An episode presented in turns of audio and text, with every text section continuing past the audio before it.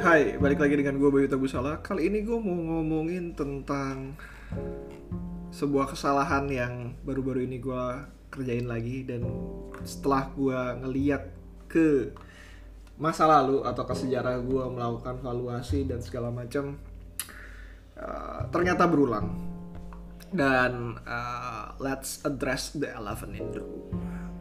Uh, gue nyebutnya adalah uh,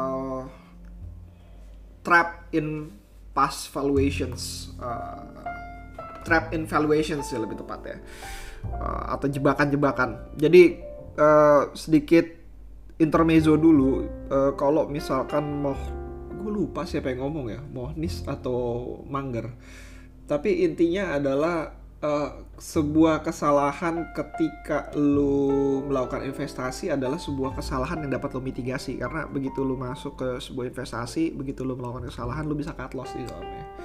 Tapi kesalahan ketika lu tidak melakukan investasi itu kesalahannya bisa uh, apa unlimited istilahnya gitu. Unlimited karena lu kehilangan uh, future cash flow kehilangan apa pendapatan di masa mendatang. So apparently yang paling susah dari kesalahan ini adalah nggak ada catatannya. Lu bayangin kalau misalkan lu ngomong dari belajar dari sebuah kesalahan, lu ngomongin kesalahan tersebut sudah kejadian gitu lu benar-benar melakukan kesalahan sudah kejadian ada bentuknya ada apa ya isi memorabilianya gitu lu bisa melihat ke situ dan lu bilang ah gue nggak akan melakukan hal ini lagi karena hal ini gue ngelakuin hal ini karena begini begini begini begini begini, begini. bayangin lu punya kesalahan yang lu sendiri nggak tahu tapi lu lu juga nggak tahu bahwa lu tuh sebenarnya gagal dari mengambil keputusan tersebut gitu. Itu yang itu yang terjadi gitu. Bukan di antara dua pilihan kan kita ada di antara tiga pilihan antar lu ambil lu diam tidak ngambil atau lu jual gitu kan.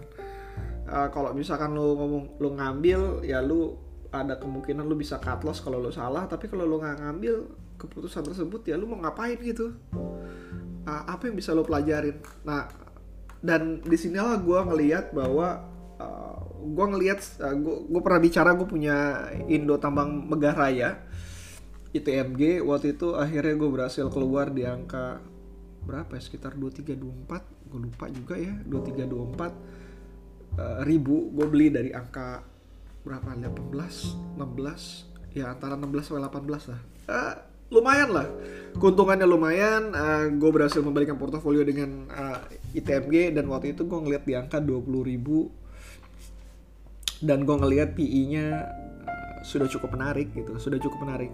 Even ketika gue melakukan valuasi di hal tersebut uh, di, di di di perusahaan tersebut gue ngelihat ITMG sendiri bakal menghasilkan record breaking uh, Q4 juga gitu Q4 dan gue rasa di Q1 juga dia bakal melakukan record breaking lagi untuk untuk untuk Q1 nya Uh, tapi concern gue, concern gue itu jauh lebih tinggi dibanding gue mengambilkan mengambil uh, resiko untuk memiliki portofolio tersebut. Pertama, gue ngelihat ITMG sendiri waktu itu inter of production saya emang turun gitu, inter of productionnya turun dan gue ngerasa bahwa harga call udah overheated dan gue nggak ngelihat bagaimana caranya call itu bisa harganya lebih tinggi lagi ke uh, dari 200 atau bahkan ke 300 gitu. Uh, gue gue nggak melihat hal tersebut. Sehingga gue mengatakan bahwa oke okay, I have enough of ITMG gue mau berhenti dulu gue nggak akan berinvestasi di dalamnya gitu. In term of valua uh, in term of valuations in term of uh, apa lagi ya gue ngerasa kayak uh, lebih ke arah dividen dividen play uh, gue ngerasa bahwa ITMG mempunyai downsize risk, downsize risk yang benar-benar cukup tinggi sehingga gue harusnya bisa sebenarnya bisa bisa bisa masuk gitu. Uh, di angka 20 ribu gue nyangka bakalan mendapatkan dividen antara 15 sampai 25 persen. Uh, PI masih 5 dan menurut di bawah 5 bahkan waktu itu dan menurut gue internal ratio benar-benar cukup murah banget. Tapi uh, gue masih belum mengambil keputusan hal tersebut karena ya gue takut juga. Uh, uh, sehingga waktu itu gue malah uh, mengatakan bahwa gue akan ngambil ITMG mungkin menjelang akan ada laporan keuangan Q4 atau gue mau main uh, istilah permainannya itu adalah uh, uh, earning play gitu. Uh, earning report play. Jadi lo mengambil sebuah saham karena lo tahu bahwa dia bakalan dapat surprise earning gitu Eh, nggak uh, gue lakuin juga karena gue gue takut dan saya juga. Dan sekarang sekarang sendiri nih uh, untuk hari ini gue ngerasa gue nggak mau ngambil ITMG karena tiap bulan Januari sampai bulan Maret itu uh, produksinya benar-benar tambah turun lagi karena ada masalahnya hujan.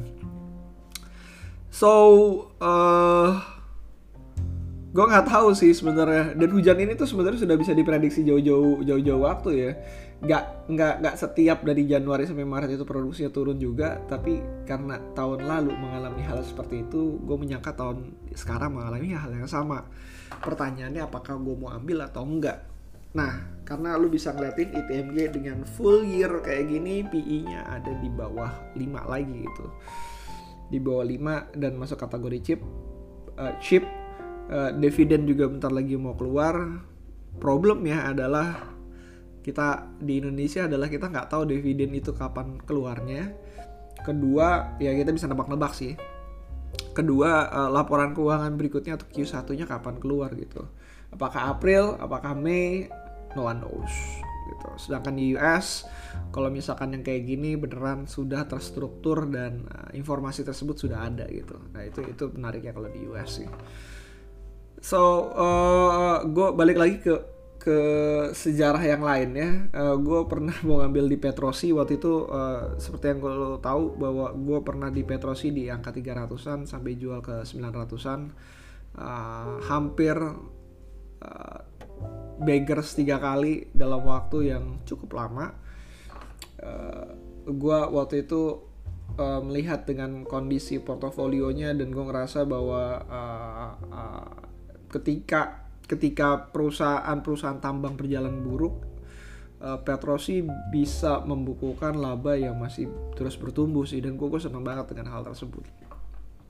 Setelah gue ngeliat, setelah gue ngeliat uh, bahwa Petrosi itu sempet, singkat gue ya, seingat gue itu sempet PI 3 atau 2 gitu, PI 3 atau 2 di angka yang menurut gue sangat tinggi banget gitu. 1600 1500 atau berapa gitu. Uh, unfortunately pada waktu itu gue bener-bener nggak nyatet nggak nyatet uh, uh, watchlist gue sekarang sekarang sih gue emang uh, nyatat watchlist gue di Notions uh, mengenai uh, harga sekarang berapa PI berapa dan segala macam sehingga gue punya track record dari uh, pikiran gue sendiri. Jadi waktu itu ketika ketika itu gue nggak nggak berani masuk juga nggak berani masuk sedangkan uh, perusahaannya sudah cukup uh, menarik sih. In term of VE in term of growth dan segala macam dan lu pernah masuk ke dalamnya sehingga lu sebenarnya uh, sedikit paham lah dengan apa yang Petrosi lakukan gitu. Dan seperti yang sudah kalian tebak uh, gue nggak masuk juga karena gue ngelihat harga yang gue beli pada saat itu lebih mahal ketika harga kemarin gue beli uh, dan Buffett pernah ngomong bahwa investor cannot have uh, past performance uh, tapi gue nggak mau ngambil ya karena karena tersebut.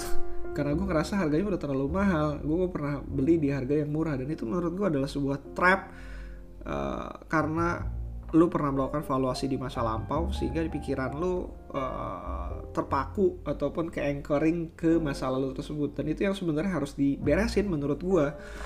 Dan kalau melihat sejarahnya sekarang gue ngerasa bahwa uh, ya gue harus melakukan sesuatu. Either way gue harus punya kayak mungkin mungkin mungkin ke depannya gue akan punya pools untuk sekitar 5% dari AUM masuk ke perusahaan-perusahaan yang menurut gue benar-benar cheap cheap cheap banget lah. Murah sekali tapi gue meragukan dari dari kadar uh, industrinya gitu. Uh, lebih tepatnya eh, kayak industrinya ataupun gue meragukan dari kadar uh, valuasinya. Kalau misalkan term valuasinya gak ada yang salah harusnya gue masuk ke dalamnya tapi ya masih manusia lah. Ma ma manusiawi bahwa, bahwa melihat hal tersebut gitu uh, beruntungnya gue nggak nggak nggak melakukan kesalahan yang sama ketika gue di BTPS uh, eh, gue inget IPO pertama BTPS itu PI-nya 11 karena gue sempat ngobrol dengan beberapa analisnya dari informasi tersebut gue ngerasa bahwa ketika di angka 2000 something ya gue gue lupa pernah 2000 something ya uh, PI-nya 11 lagi gitu. Gue ngerasa kayak oh momen yang bagus untuk masuk PI 11 PI 12 karena waktu itu gue nggak pernah uh, dapat dan gue ketinggalan akhirnya gue masuk di PI 11 PI 12 tersebut. Uh, merupakan PI paling rendah yang pernah pernah ada di sejarahnya BTPS sehingga gue masuk ke dalamnya gue tahu dengan industrinya dan akhirnya gue exit kemarin karena ini. Uh, ya walaupun BTPS sekarang masih terbang Metro Data pun masih terbang tapi ada beberapa hal yang harus gue lakukan uh, karena keterbatasan informasi yang gue punya. Ya terlepas orang mau bilang bahwa it's a lazy to sell because of price tapi lagi-lagi uh, kalau istilahnya gue lupa buku yang gue baca uh, psychology of money ya yeah, psychology of money it's rather uh, it's it's uh, better sorry kok rather it's better being rational uh, being reasonable rather than being rational. Jadi buat gue reasonable enough karena uh, gue punya portofolio lebih terjaga dan gue gue gue senang ngelihat kayak portofolio gue lebih lebih profitable dibanding enggak gitu.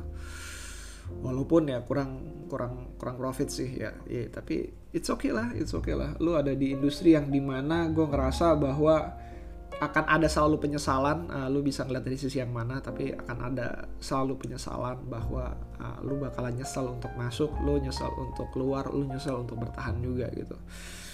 Eh, karena begitu lo masuk kalau misalkan kegedean lu ngerasa bahwa ngapain gue masuk gede-gede? Kalau misalkan kecil gue ngapain masuk kecil? Uh, kalau misalkan lu bertahan kenapa kok lama banget? uh, kalau misalkan lu lepas ya balik lagi kenapa bisa terbang kenapa ini segala macam. Lo ada di industri tersebut. Dan gak ada yang tahu gitu. Yang butuh lo lakukan adalah lo punya framework. Dan itulah terakhir dari gue milikilah framework sehingga lu bisa bekerja dengan baik. Dan hati-hati dengan beberapa uh, dengan beberapa kesalahan yang nggak pernah lo lakuin. Uh, opportunity loss karena opportunity loss itu potensial upside-nya unlimited karena lo nggak nggak pernah tahu apa yang bisa uh, apakah bisa berubah hidup lo dengan memiliki hal tersebut. Oke, kalau ada pertanyaan ke Bayu Tabusala at gmail.com atau ke Instagram gue lo bisa uh, bisa lewat WhatsApp bisa DM di at Bayu Tabusala see you again next time. Bye